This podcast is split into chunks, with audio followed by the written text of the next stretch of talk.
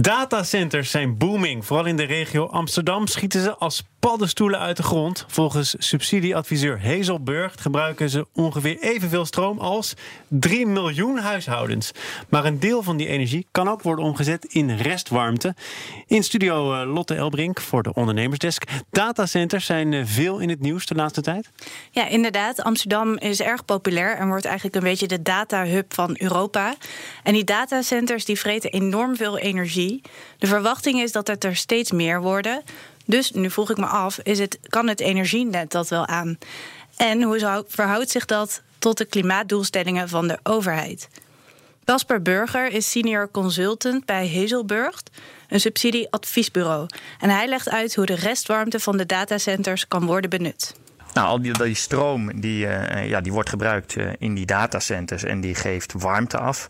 Uh, en die warmte die ja, in, in, in oudere datacenters ja, vervliegt dat eigenlijk de lucht in. En de apparatuur moet gekoeld worden. en die warmte ja, die, die heeft geen nuttige toepassing. dus die vervliegt. maar die kan ook ja, afgevangen worden door of een koelingssysteem. En ehm, ja, die kan dan uh, gebruikt worden of nuttig toegepast worden in een andere toepassing. Dus dan wordt die geleid naar een uh, warmteoverdrachtstation en dan wordt die ja, ingezet op een, op een andere plek. Dan kun je dus bijvoorbeeld denken aan dat een zwembad wordt verwarmd met warmte van een datacenter. Maar deze techniek wordt nog lang niet bij elk datacenter toegepast. Het gebeurt wel. Uh, er zijn uh, ja, eigenlijk alle nieuwe datacenters die er komen, die kijken hiernaar. en dus ja, dat is zeker een, een, een toepassing die, die, die gebeurt en waar veel gebruik van wordt gemaakt.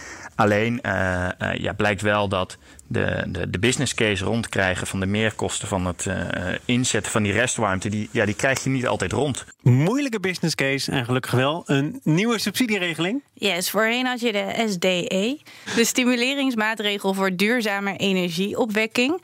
En die is dit jaar gewijzigd van doelstelling. Het gaat nu om CO2-reductie. Dus wat we gaan doen is niet meer alleen duurzame opwek stimuleren.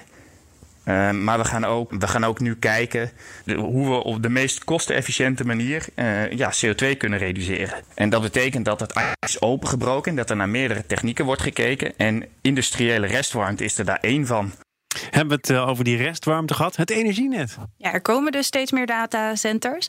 Terwijl het Nederlandse energienet sowieso al onder druk staat. Deels door de toename van duurzame energie die het net op moet. Maar ook vanwege grote vraag van bijvoorbeeld datacenters. Dus daar moet zeker nog naar worden gekeken. Je kunt je ook afvragen of al die datacenters passen bij de klima klimaatambities van het kabinet. Caspar legt het uit. Enerzijds wil uh, Nederland natuurlijk de klimaatdoelstellingen halen. En dan zou je zeggen, ja, meer energie verbruiken draagt daar niet aan bij. Uh, dus uh, nee, dat, dat, uh, daar zit wat contradictie. aan de andere kant ja, wil je ook verder je ontwikkelen, verder digitaliseren. En zal je dus moeten kijken naar hoe je ja, dergelijke ontwikkelingen ja, optimaal in kan zetten. Zonder een grote impact te hebben op uh, het behalen van die klimaatdoelstellingen. En Hazelburg heeft berekend hoe dat financieel zit voor zo'n datacenter. Op basis van de conceptplannen kan een datacenter met de nieuwe subsidie op twee manieren besparen: door het afvangen van restwarmte en het verkopen van energie.